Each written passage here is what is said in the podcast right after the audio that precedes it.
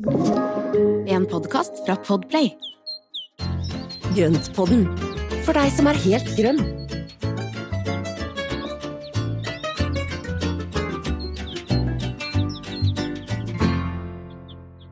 Hallo og velkommen til Grønnpodden. Um, episode, hvis jeg ikke tar helt feil, 128, Espen, er det det? Ja, det er det. Det stemmer så godt så. Nå Det suser og går.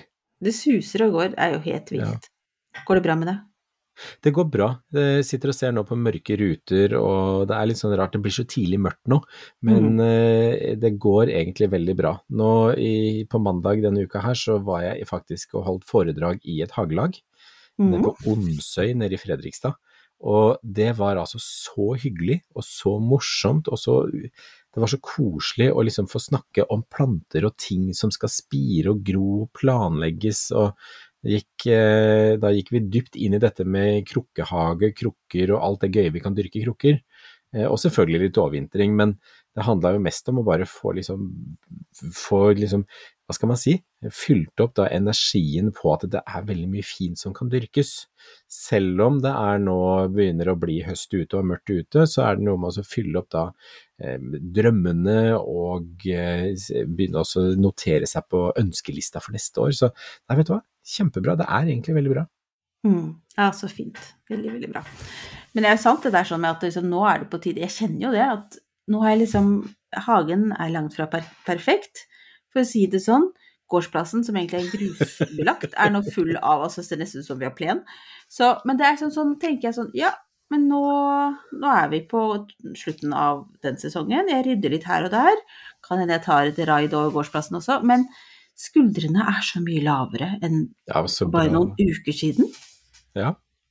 Men det er jo hele høsten. Det er jo liksom, nå skal ting få lov å bare være og, og slappe av, og man skal senke seg. Men det er jo hele naturen går jo i, eh, altså egentlig i, eh, i ro. Og den Mhm. skal jo forberede seg på å sove, og det er jo egentlig det vi også gjør da, med innerst inne. Men du, vet du hva? Jeg, jeg, det har jeg glemt å si, men så du bildet jeg sendte deg i stad? Ja, ja, Det er altså val, det er valnøtttreet som jeg hadde i rosebedet som nå er gravd opp. Og så har mamma og pappa kjørt det ned til Kragerø, hjem til seg, og pappa planta det. Så nå Ja, står det trygt planta på nytt sted i Kragerø. Det er så koselig. Tenk at den lille valnøtta kom her fra Storegård via deg, og så ned til foreldrene dine. Ja, Og der vet jeg at det kommer til å bli så godt tatt vare på. Jeg tror det blir fint der, altså. Og vi har funnet en perfekt plassering som da som er liksom litt sydvendt eh, skråning og Nei, kjempefint tror jeg det kommer til å bli. Mm. Men det hadde altså den største perlerota jeg har sett noen gang på så kort tid. Det var jo liksom en stamme ned i bakken. Ser du at jeg ble veldig stolt nå? Det er ikke som Jeg det er barnet mitt. Gjør det var en karriere som tre. Ja, ikke sant? Det var et kraftig frø. Eller kraftig valnøtt. Ja, men det var Så gøy. ja, det er veldig moro. Det er kjempegøy.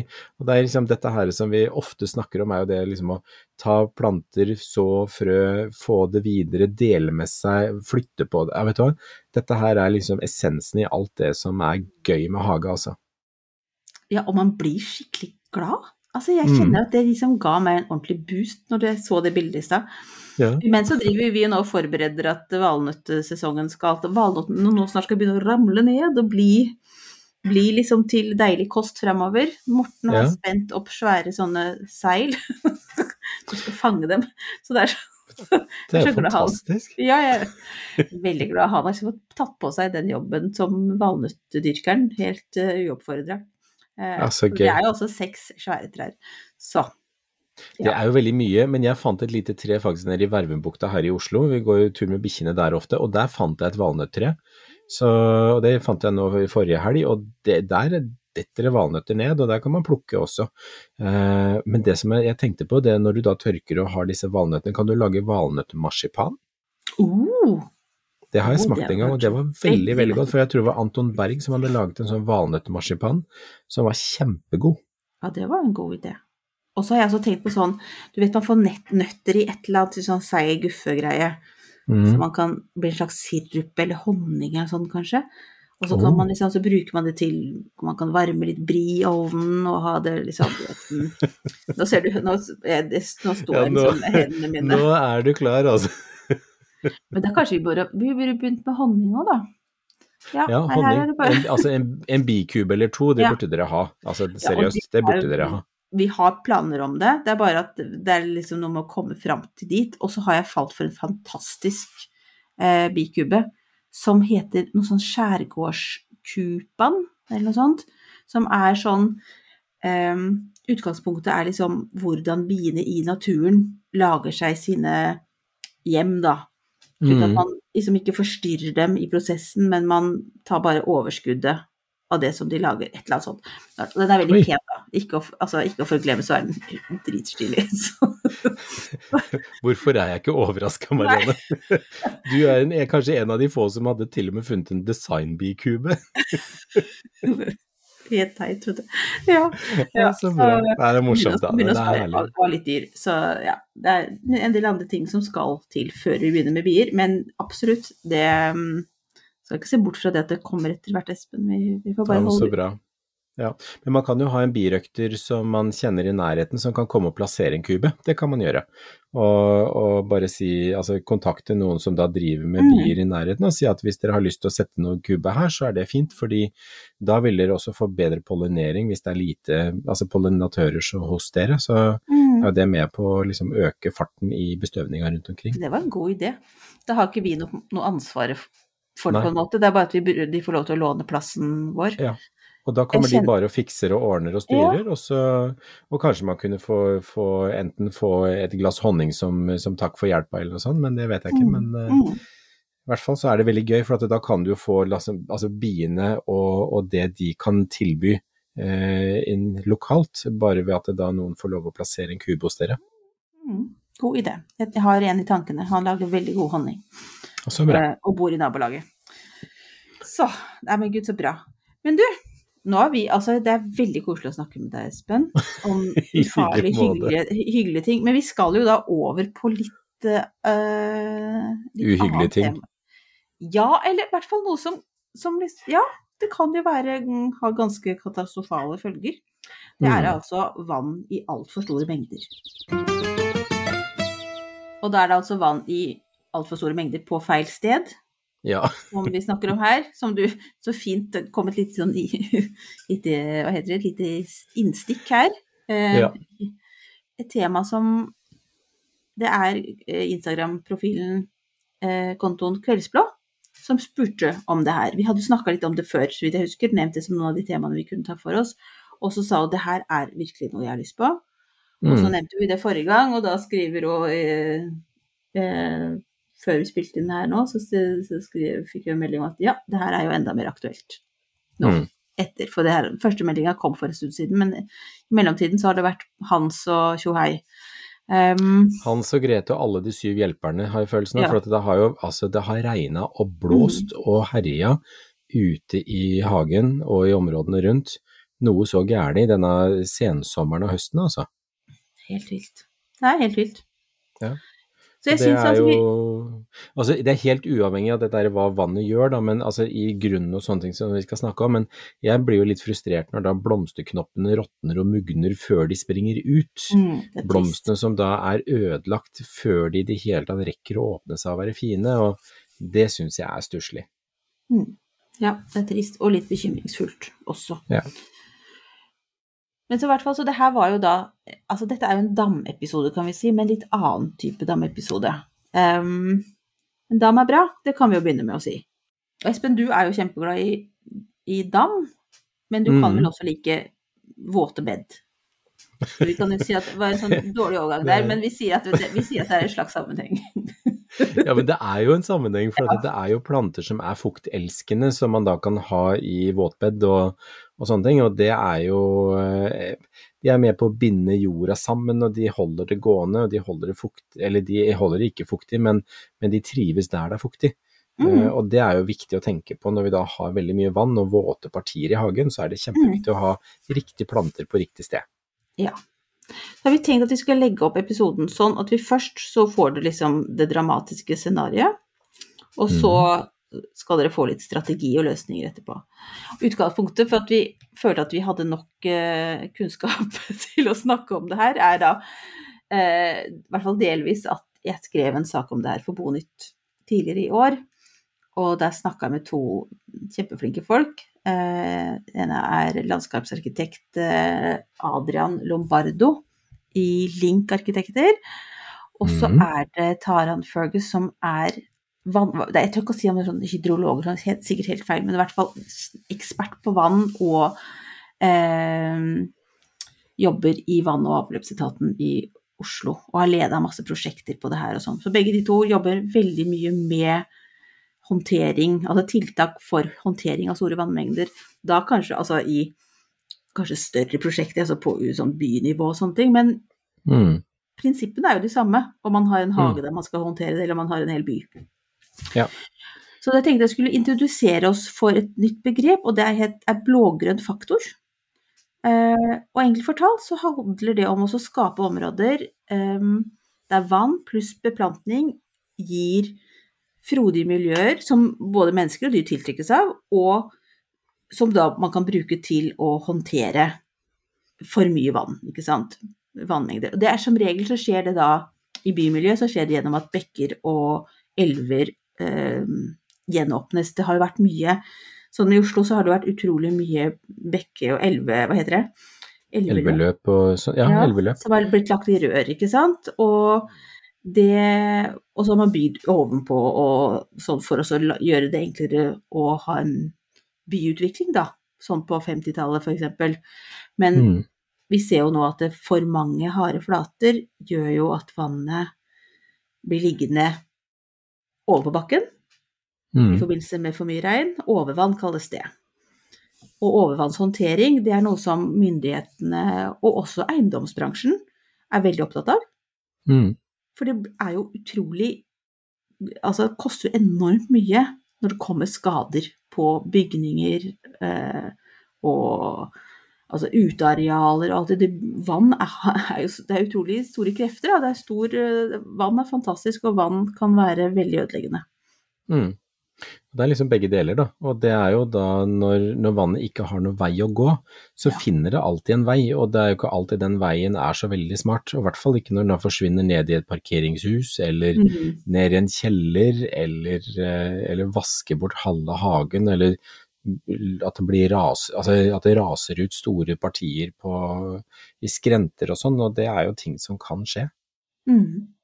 Så én ting er jo da asfalten som vi har overalt, men det er jo også at fordi at vi nå har mer perioder som det er tørt, altså uten nedbør, eh, da blir jo jorda nesten som asfalt. Det blir jo, da pakker seg jo og blir steinhard.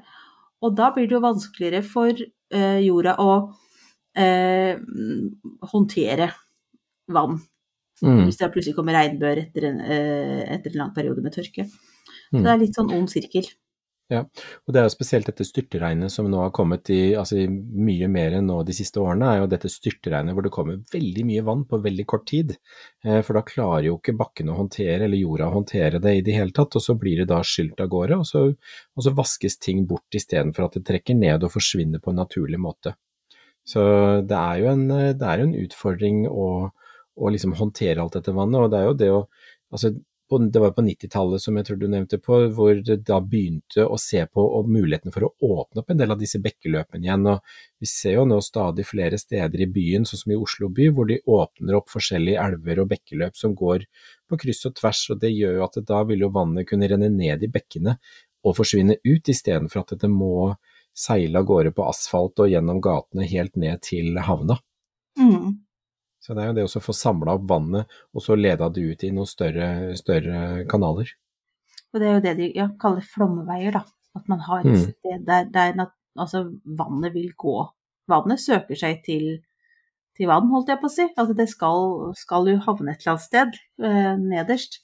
Sånn som eh, Det tror jeg var eh, hun, eh, Taran Fergus som nevnte det med at eh, de har jo kartlagt i Oslo alle flomveiene. I hvert fall mange av dem. Og blant annet så er det jo sånn Hvilken bekk var det, da? Men si at en som starter opp ved Ullevål, da. Mm. For dere som er kjent i Oslo. Og går nedover. Den vil jo da den naturlige flomveien er jo liksom gjennom Tullinløkka, altså mange av disse gatene der det er mange, mange mennesker som ferdes, ikke sant, som er Mm. populære urbane strøk. Så ja, og det, der er det jo veldig lite som tar imot vannet underveis, for det er jo mest asfalt. Ja. Og så er det også noe med en del av de nybyggene som kommer opp i dag, så har de også takhager for å binde en del av vannet, sånn at du ikke får så mye flomvann som fyker ut, men at man da binder opp eh, vann i plantekar, kasser, eh, planteområder i byen, at det er grøntområder i byen også som da kan suge til seg vann, slik at du da får en jevnere fordeling av det. For det er jo det å ha da de derre de stedene som da kan ta opp vann og magasinere ut, sånn at det renner litt langsommere ut når det kommer mye på en gang.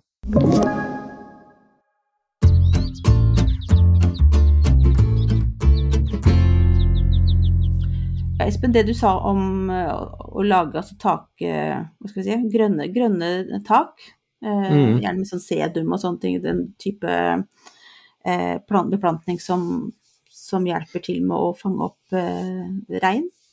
Det er jo Mm. kjempeviktig. Og det er jo noe leder oss inn på det som gjerne kalles en tretrinnsstrategi, da.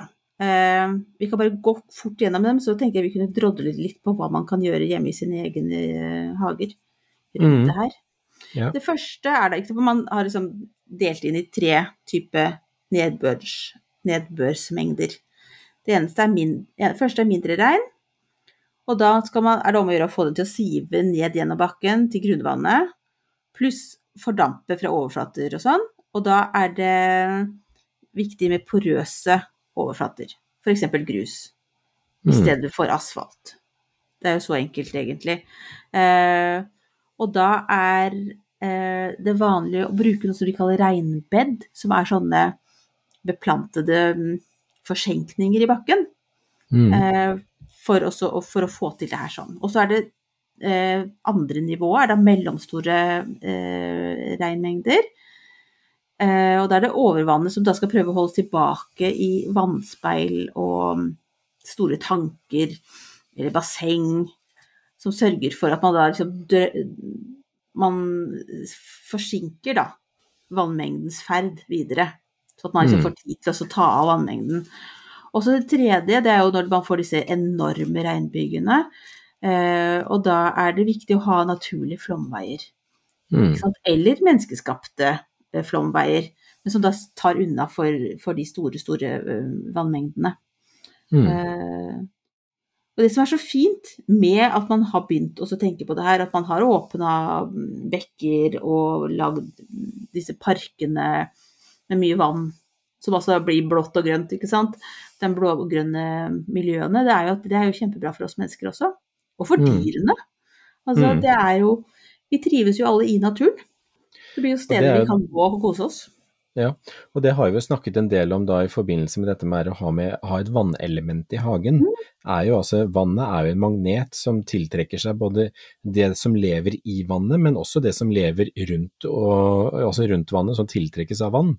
Det er jo fugler, og det er insekter, og det er, eh, det er alt mulig rart som da tiltrekkes av vannet, fordi at det er der det Altså, det, vannet er jo opphavet til alt liv på jorda. Mm. Så det er jo noe med å da ha noe, noen vannelementer som da tiltrekker seg alt mulig, og da får du det voldsomme biomangfoldet, eller det gode biomangfoldet. Så Mm. jeg tror det er jo, der hvor det er vann, er jo det, altså der er det også de stedene med størst biomangfold. Mm. Har du merka noe? Jeg tenker du har jo nå, men, nå vil jo du at vi skal skille bed og dam, jeg forstår det, men du opplever jo også det at det er veldig mye som tiltrekkes av dammen din. Ja, ja, ja. Mm. Og eh, altså her i hagen så er jo dammen er jo på en måte hjertet av, eh, av hagen, hvor der er fiskene selvfølgelig, men det er jo da massevis av vannlevende organismer. Det er gråsugger, og det er mygglarver, og det er, eh, det er vannløpere, det er øyenstikkelarver. Og da gjennom sommeren så er det veldig masse av disse som da svirrer rundt, altså alle mygglarvene og fluene og alt det som da kommer opp av vannet og klekkes, eller da etter at de har vært forpuppa, så kommer de opp og så begynner de å svirre rundt. Det tiltrekker seg masse fugler. Så dermed så er det jo massevis av både kjøttmeis, blåmeis, eh, svart-hvitt fluesnapper og alle de som spiser insekter. De fyker jo rundt her i hagen og spiser så det koster etter. Og så fyller de opp eh, da, sultne munner som er i fuglekassen som henger rundt i trærne her. Men det som, gjør, altså det som gjør dette her litt magisk, er jo at når de da flyr rundt i hagen for å finne insekter å spise og fôre ungene sine med, så går de også på plantene og ser etter lus, de ser etter skadeinsekter, de ser etter larver. Alt som da kan gnage i stykker mye av hagen, det får jeg jo hjelp til å ta. Nettopp mm. av de fuglene som da er tiltrukket av insektene som da bor og er knytta til vannet. Så hele den der næringskjeden, eller den derre Det er som et sånn domino, dominospill, altså. Mm. Det er sånne ting som man kanskje ikke tenker på når man tenker eh, vann, da, som et element. Det er jo vakkert å se på, vi tiltrekkes av det altså visuelt og estetisk og alt det der sånn, men det er også det er flere enn oss som har godt av det. Så jeg tenker at dammen her har en veldig veldig viktig funksjon i forhold til å opprettholde det store mangfoldet som finnes. Og det gjør at jeg behøver jo ikke sprøyte plantene mine, og er det veldig plagsomt med lus, så kan jeg ta hageslangen med rent kaldt vann og så spyle litt, og så er det borte. Eller så blir det i stor grad spist opp av andre insekter, sånn som veps og sånne ting, eller av fugler. Ja. Og mye av det kan jeg tilskrive rett og slett dammen, for at det tiltrekker seg alt mulig rart. Og så, er det jo, og så kommer det jo fugler inn og drikker hver dag, og det er, liksom, det er veldig hyggelig, for det skaper jo også et liv, og, altså, et liv og leven med, med vannet, da, for at det er så mye som kommer for å da rett og slett drikke, bade, spise, leve. Mm. Det er som en oase, da, i en ørken. Det er jo et, et vannhull der man Ja. møtes og, og har det hyggelig sammen, rett og slett. Bokstavelig talt. Bokstavelig talt.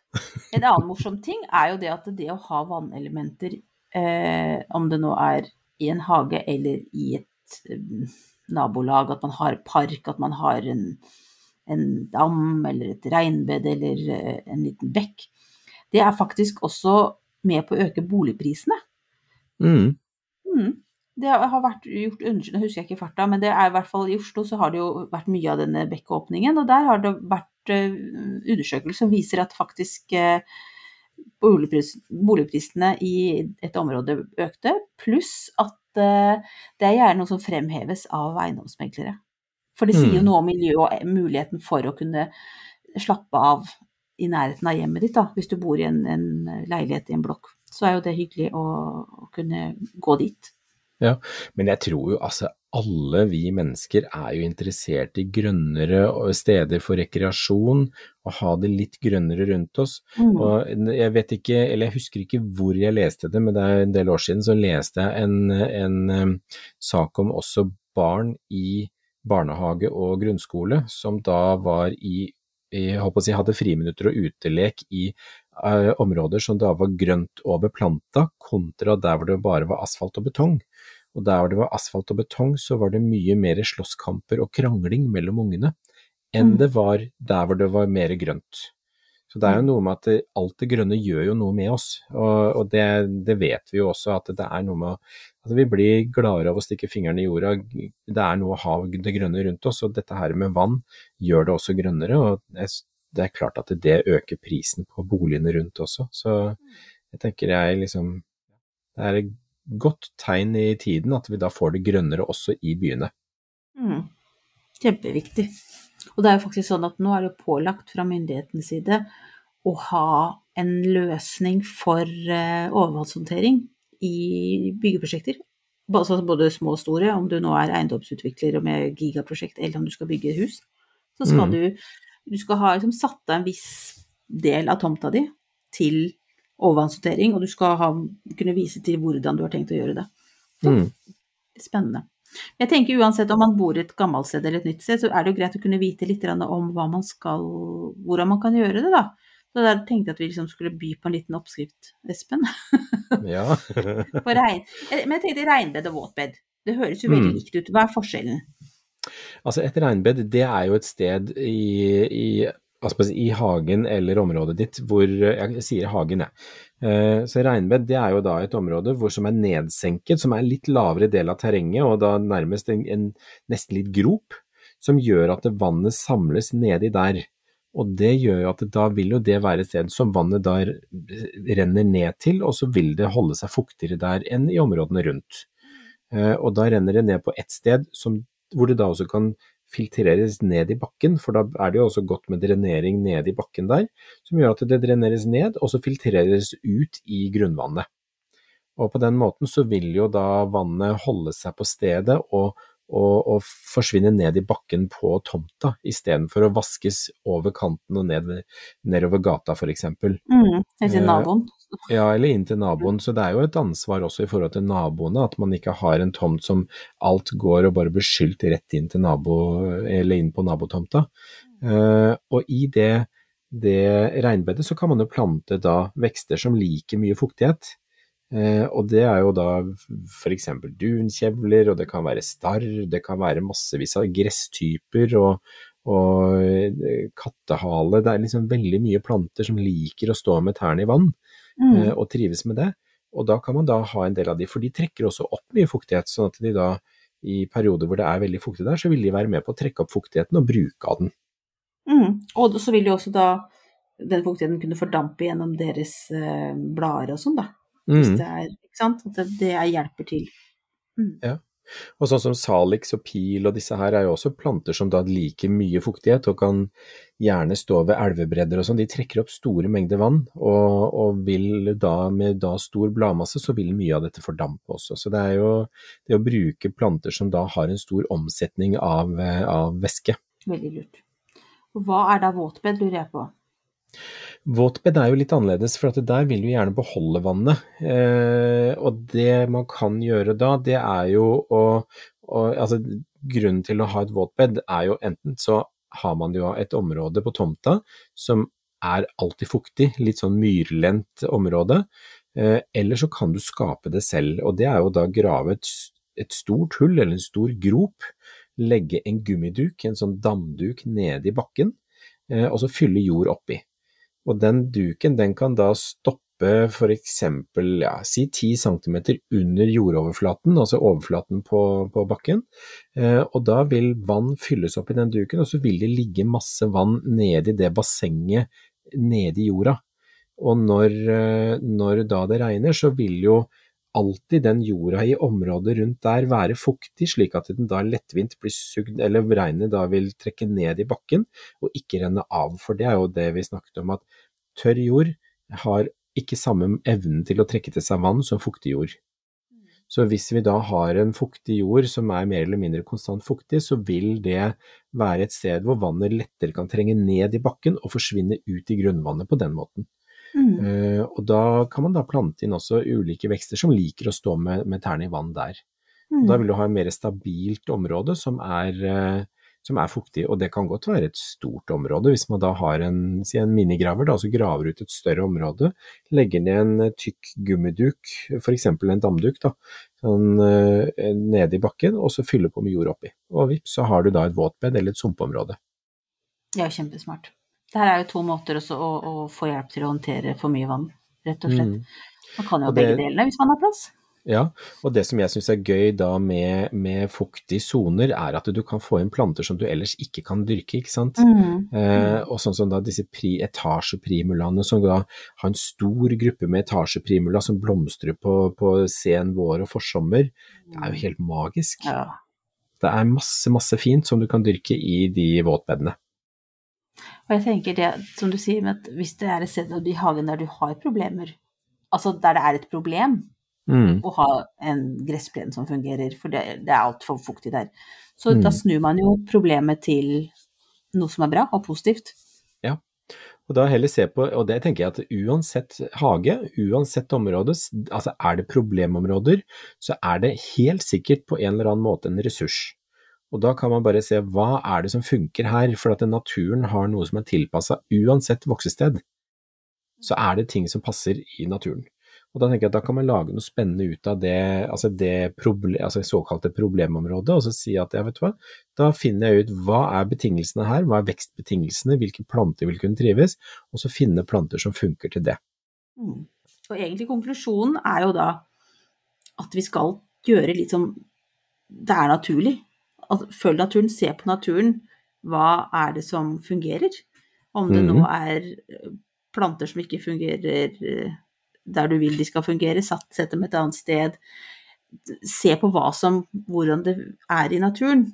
Er, hvor Mm. renner vannet, hvor stopper det opp? Alt det der sånn. Ta oss og Ja, tenk litt mindre som en eh, Jeg vet ikke, en, eh, en asfaltbit, holdt jeg på å si, og mer som en, eh, en, en fuktig liten gressmatte. Mm. Ja. Nei, og så er det jo sånn som du sier også, det å da velge materialer i hagen og uterommet som da klarer å, å trekke ned vann og fordele vann, fremfor at vannet blir skylt av gårde. Eh, og det er jo da områder med grus, det kan være områder sånn som eh, hvis du da er god til å bruke kvistkutt fra kompostkverna, som bruker det som markdekke rundt i bedene, så vil jo det sørge for at det for det første at jorda ikke blir, blir liksom slått opp når regnet slår som hardest. Da vil det treffe dette her, og så er det som regel fuktig i undersiden av denne kvistkutten, og det gjør at det da er også veien videre for vannet mye enklere enn om du har tørr jord. Så, Mm. altså kvistkutt, sørge for at ikke det er skråninger, og er, eller er det skråninger som du ser at vannet finner på å gjøre noe, så kan man lage et lite bekkeløp som da kan plantes inn med noe, noe, noe ting som bremser opp. For eksempel, eh, altså, jeg vet ikke, lage små partier som kan bli små dammer. Altså små terrasseringer for eksempel, som gjør at du da kan få små dammer og legge da en gummiduk under. Så kan du ha små dammer i det nivået som da, eller på, på nedover den lille skråningen. Så det er veldig mange ting som man kan leke litt med og være litt kreative på, da, hvis du har, ja, hvis du har, uh, har noen tanker på hvor vannet beveger seg naturlig. Mm. Og da forener jo du det som vi tiltrekkes av, altså med øynene. For det der høres jo helt nydelig ut. Da Forener jo det med noe som vi må gjøre nå, og som vi må tenke mer på. Og, eh, Mm. Som er en praktisk håndtering av eh, store nedbørsmengder. Mm. Uh, ja, nei, jeg syns Men jeg tenk, grunnen til at jeg sa det med tenk som en litt fuktig gressmatte istedenfor, er jo det at jeg tror det for sikkert flere enn meg, så er det det at vi er så innkjørt i et tankesett der vi er ganske langt fra naturen.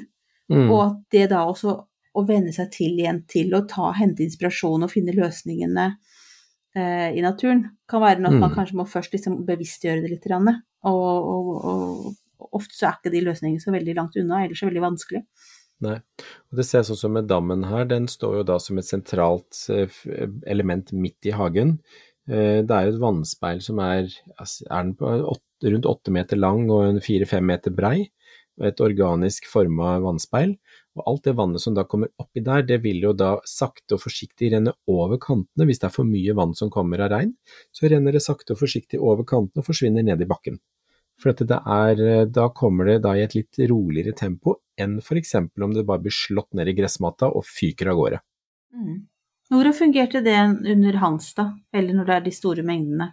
Hans var ikke noe problem, for det her i Oslo så var ikke Hans så rampete, men det var verre med den der rakkeren som kom var det uke, er 14 dager etterpå, som da virkelig slo i stykker. Men da gikk det også veldig greit. Eh, Det var veldig fuktig plen, selvfølgelig, naturlig nok. Men eh, alt dette med dam rundt dammen fungerte kjempefint, for at det vannet det blir slått ned i vannet, eller det ramler jo i vannet. Og så bare legger det vannspeilet, da heves jo vannspeilet bitte litt, og så renner det over kantene i alle bauger og kanter, fram til vannet er nede på et riktig nivå igjen. Så den fungerer jo egentlig som, eh, som et våtbed når det blir mye regn, kan du si. Og fordi det er alltid jevnt fuktig rundt kantene, så vil også vannet finne vei ned i, til grunnvannet, og istedenfor å vaskes rundt oppå plenen.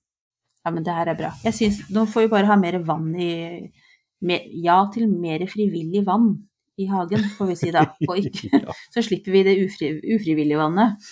Eller i hvert fall har en måte å håndtere det på. God plan. Håper, at det her, håper det her var litt så nyttig. Ja, jeg håper det? også det. Ja. Det var i hvert fall en god påminnelse for deg og meg eh, Mm. på hva man kan gjøre og sånn. Det er jo Høsten er jo en sånn tradisjonelt sett, da. Eh, det er det jo da det er mye regn. Nå syns jeg egentlig det kanskje gjelder for hele, hele året, Altså, men Ta med hele juli òg, da, og august. ja. Nei, du. Men nå legger vi, legger vi vann litt til side, så skal vi Ja. ta snart de faste spaltene våre.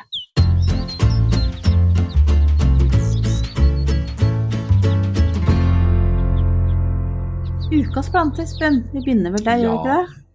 Ja, kjært barn har mange navn, og det er jo da I dag så er det naken jomfru. som er ukas plante. Den blir også kalt for eh, Eller den blir kalt for Naken jomfru. Den blir også kalt for tidløs, eh, eller noen kaller den også for høstkrokus. Men det er noe som heter colchicum. Mm. Og det er altså en utrolig fin plante som jeg er veldig, veldig glad i. Eh, og litt av grunnen til at jeg er så glad i den, er at den kommer og blomstrer nå på høsten, i september og oktober. Og da står den med sine hvite eller rosa blomster som strutter mellom vissent høstløv, og ser ut som en krokus. Altså det er jo noe så magisk, for dette, alle tenker jo på krokus med den der vårblomsten som den er, men akkurat tidløsen, den, eh, den kommer da med blomstene, eller den har snudd rundt på årsrytmen, så den har da bladene sine på våren, mellom andre krokus og tulipaner og det som er, så kommer det opp noen litt sånn kjedelige blader, og så glemmer man at den fins, før den da kommer opp med blomstene sine nå i september og oktober. Og da står de helt fantastisk i hagen mellom høstløvet. Det er veldig nydelig. Og så er det så hyggelig at det må komme nå. Det er sånn Ja, Ja, vennliggjort. ja, jeg tenker da får vi den lille påminnelsen om at nei da, det er, det er håp selv om det er høst. Mm. Og dette her er en, det er en ganske stor slekt med, med, med jeg tror det er rundt 100, 150 arter eller noe sånt, så det er, det er en stor slekt. Og den finnes jo da rundt forbi egentlig Asia, Europa, Middelhavet, helt ned til Afrika. Så det er en, en stor slekt fordelt over store landområder. Så vi bruker jo å ha den som heter eh, Colchicum autumnale, tror jeg den heter. Og eh, det er den som er mest vanlig i handelen, og så er det en som heter Giant, som får litt store, enkle blomster. Og så har du en som heter Water Lily, som får fylte blomster. Og Mm. den har jeg nå stående ute, og i år så har den sikkert en 10-12 blomster. Starta med to løk for eh, tre år siden. Eh, har vært liksom én og to og tre blomster på den, men i år så har den virkelig smelt til og blitt så fin. Mm. Så ja, nei vet du hva, helt fantastisk plante. De er litt giftige, så man skal være litt forsiktig med liksom i forhold til å ikke, ja, nå går man ikke normalt og spiser plantene i hagen, det gjør man ikke, men eh, sånn i forhold til små, små valper og barn. Mm. Greit å vite. Er det noe som man kan putte jorda over hele landet, eller er det noe grense for det?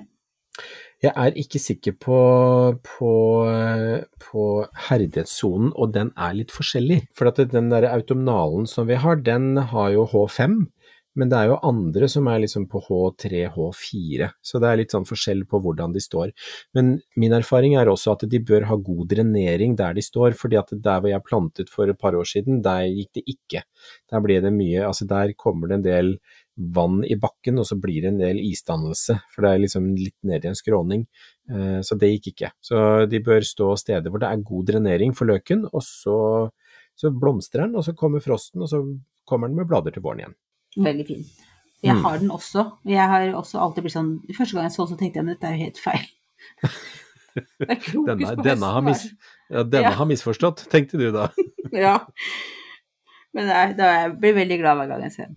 Helt nydelig. Ja, den er fin. Og det som er også er litt gøy med de, det er jo også de, de er kjempefine å ta inn i vase, så hvis du da skjærer de av helt ned ved bakken, og så setter de i små vaser, så holder de overraskende lenge i vase inne. Gjør det det? For jeg har tenkt at den der dauer med en gang jeg tar den opp av jorda, så den får bare lov til å stå. Ja, men da skal jeg teste det. Jeg plukka det noen ganger, og de er kjempesøte i en bitte liten vase med Mm. to-tre sånne oppi. Nydelig. Så nei, kjempefin. Det var veldig fint at vi hadde det som ukas plante, altså siden jeg da nå neste gang jeg ser, så skal jeg kaste den over den. Og det som også er litt morsomt, er at man får jo kjøpt disse løkene på denne tiden her, og da kan man også ha de stående på en skål eh, inne på bordet som pynt, og så kan det blomstre, for de blomstrer jo bare på bar og, eller tørr løk, så, så det kan man gjøre, og så kan man eventuelt plante de ut eh, etterpå, etter blomstringen inne. Så det er flere måter å bruke de på, og det er jo en, eh, det er jo en veldig spennende, spennende plante, altså. Veldig, veldig vakker. Nydelig. Takk, Espen. Da går vi over til ukas spørsmål. Ja, Ja. Skal vi se, jeg, jeg, skrev, jeg skrev hele spørsmålet, så det tar to sekunder før vi kommer til spørsmålene her. Sånn. Jo, jeg har overtatt et hus med noen store trær som setter sitt preg på tomten. Eh, det høres jo veldig hyggelig ut. Mm. Eh, to av trærne, bl.a. et rognebærtre, er fullt av, eller fulle av mange små stammer, som til sammen danner et stort tre, eller en busk. Ja. Eh, ja, for, for hva blir det liksom når det, det blir tett og tjukt og lavt, holdt jeg på å si? En tebusk. Ja, busketre. Kan man skjære vekk alle stammene bortsett fra én, og få et ett-stammetre? Eller er det best å holde på det, altså sånn som det ser ut nå, da hvordan det har utviklet seg? Eh, ja, det var egentlig Mm. det som var spørsmålet. Og det er selvfølgelig mulig å fjerne alle sidestammene. Det kommer litt an på hva det andre er, men rogna det, det går jo egentlig veldig greit å gjøre. Men samtidig så er jo det også litt av vekstformen på de, når de da har en del sånne parallelle grener fra bånn av. Eh, Så jeg ville, jeg ville sett det litt an, og så ville jeg ha fjerna alle sideskudd med blader på på disse ulike stammene oppover, og så ser jeg da hvor høyt du vil ha oppstammet, og så tar du og fjerner alle sideskuddene hele veien bare for å få blottlagt de stammene som er, og så ser jeg kanskje det er kult at det er flere stammer som kommer opp til en tett krone der oppe. Eh, For alle de stammene har jo antageligvis en funksjon og en del av den toppkrona, så hvis du da fjerner for mange av de sidestammene, så vil du få en skakk og rar krone, og da bruker den lang tid på å bli fin og fyldig på toppen. Så jeg tror kanskje jeg ville ha aller først blottlagt stammene nede, eh, prøvd å se hvordan den krona vil, eh, vil bli med det, og så ville jeg tatt én og én stamme og bare prøvd å trukket litt i den for å se hva vil det gjøre med krona hvis denne blir borte, før du skjærer den. Fordi eh, det er jo noe med at eh, hvis det er noen som er veldig avgjørende for den fine symmetrien man ønsker seg, så, så er det ikke sikkert at det er så lurt å ta den, eh, den sidestammen, altså. Men som du sier, så er det da det er noen trær som faktisk naturlig kommer med flere stammer. Mm. At, det blir jo ja, det er ikke noe så- feil. Nei, det er jo ikke noe feil. Og det er jo bare vekstformen. Jeg ser jo det på, altså på fjellbjørk for eksempel, de får jo ofte, er, en del av de er jo veldig fine stammer opp, men det er jo også en del av de som får flere stammer fra bunnen av, så de bare har en, en, en base med én stamme som er kanskje bare noen få, jeg sier at den kanskje er en 10-15 cm med bare én stamme i bånn. For det ser jeg jo på, på hytta på Tynset, så er det jo noe fjellbjørk som da vokser på den måten.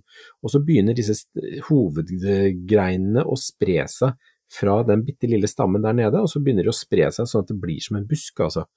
Eh, overgangen mellom busk og lite tre der er jo litt sånn smygende noen ganger, men, men eh, rogna er jo også egentlig sånn at den da ofte setter mye parallelle skudd og greiner fra bånn av. Så, men man kan jo selvfølgelig ta og skrelle bort alt, sørge for at det er den tjukkeste, fineste stammen som er igjen, og så bygge videre på det, men det kan ta litt lengre tid å få det til et fint tre. Så tenker jeg jo også da at sannsynligvis så vil det komme mange små stammer. Altså, det, da må man jo holde det ved like sånn at man Ja, ja. holder andre stammer unna, for det her, det, som du sier, det er et naturlig vekstsett, så Mm.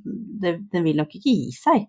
Nei, så da må man jo hele tiden passe på den, og så tvinge det tilbake ved å fjerne sideskudd kontinuerlig. Mm. Ingenting er gærent, men du får se hva du har av eh, tid og øh, ja. Og igjen, vil du jobbe med eller mot naturen? Ja, her, I dette tilfellet er det ikke så veldig alvorlig, det går bra uansett, men bare, ja.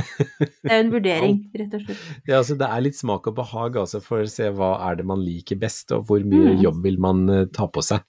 Ja. Så, eh, det tar bare, så alt går, men eh, det kan ta litt tid hvis man skal tvinge det inn på én stamme, og så få liksom danna en ny krone, så kan det ta noen år. Mm. Mm. Bra. Da har vi løst det verdensproblemet. Ja, Da skal vi gå videre til hva du holder på med nå, vi. Som en liten sånn avrunding.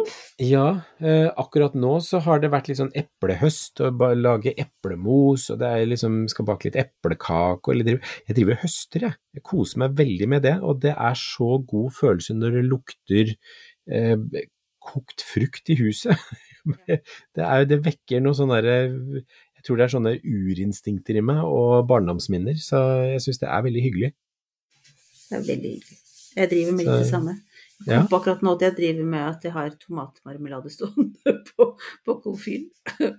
Nå? Å oh, ja, ok. Ja, ja, Ja, altså det var planlagt. Det skal reduseres. Nei, det er alt er under kontroll. Men jeg bare hadde liksom glemt i farta. Det skal, det skal jeg gjøre med en gang etter at jeg er ferdig med det her. Sånn, så skal jeg faktisk gå og se hvordan den er. Det blir godt. Den er også veldig god til ost. Bare for å komme tilbake på alt som er godt med ost, så er det også um, et tips. Men er det røde tomater, eller er det grønne tomater? Nei, du vet at dette er fordi at eh, altså jeg, tomater har jeg nå offisielt gitt opp. Med Ja. mindre jeg får drivhuset mitt på plass og blir en racer på tomater igjen, så Ja. er det mine er grønne. De er, altså, noen, de små som var kjempegode, som var sånne cherrytomater, de ble dypt røde, nesten lilla, sånn kjempefine. Men hoveddelen var litt større og er fortsatt grønne, slash eh, kanskje antydning til gult. Ja. Så ja. Så da er det veldig godt å lage tomatmarmelade. Så da blir det liksom er- grønn tomatmarmelade. Det er veldig, veldig godt. Ja, for jeg har smakt det en gang, sånn chut- tomatchutney, og det var altså så godt til ost. Så jeg ja, skjønner godt hva du mener, det er kjempegodt altså. Men du har vel bare modne og fine tomater, så du, da får du Ja, de har modnes fortløpende, så nå er det, nå er det snart ikke mer igjen, men det, ja, de, de har stått i drivhus og kosa seg. Ja, det går an å lage med røde tomater også. Så, Ja. Men det er bare hyggelig at det går an å gjøre noe med de grønne.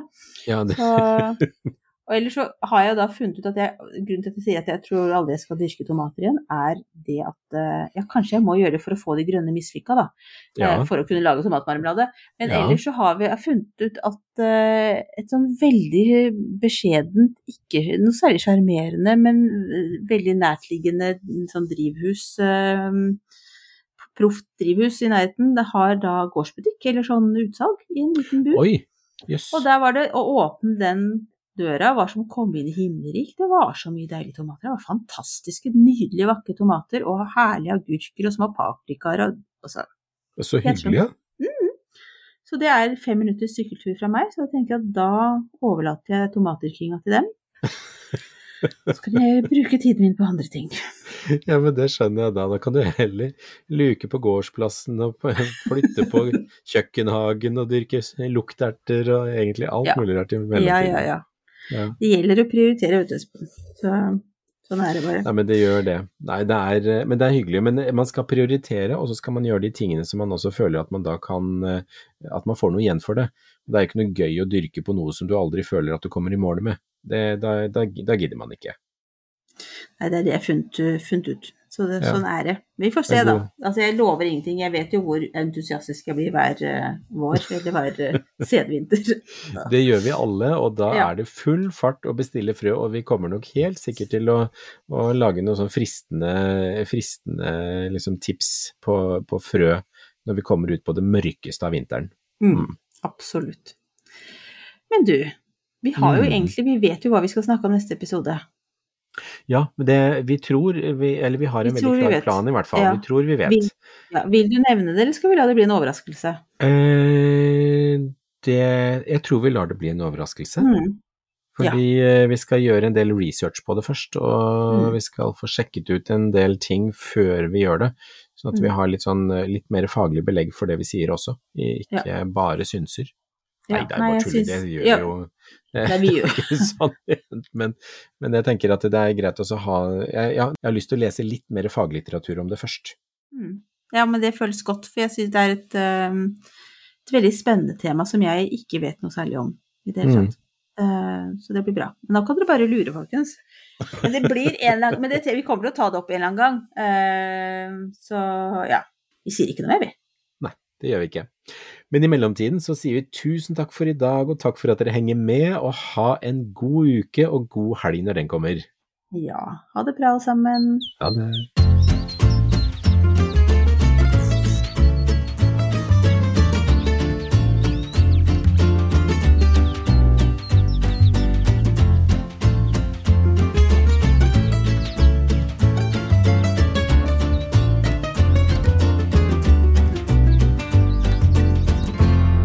Du har hørt en podkast fra Podplay. En enklere måte å høre podkast på. Last ned appen Podplay, eller se podplay.no.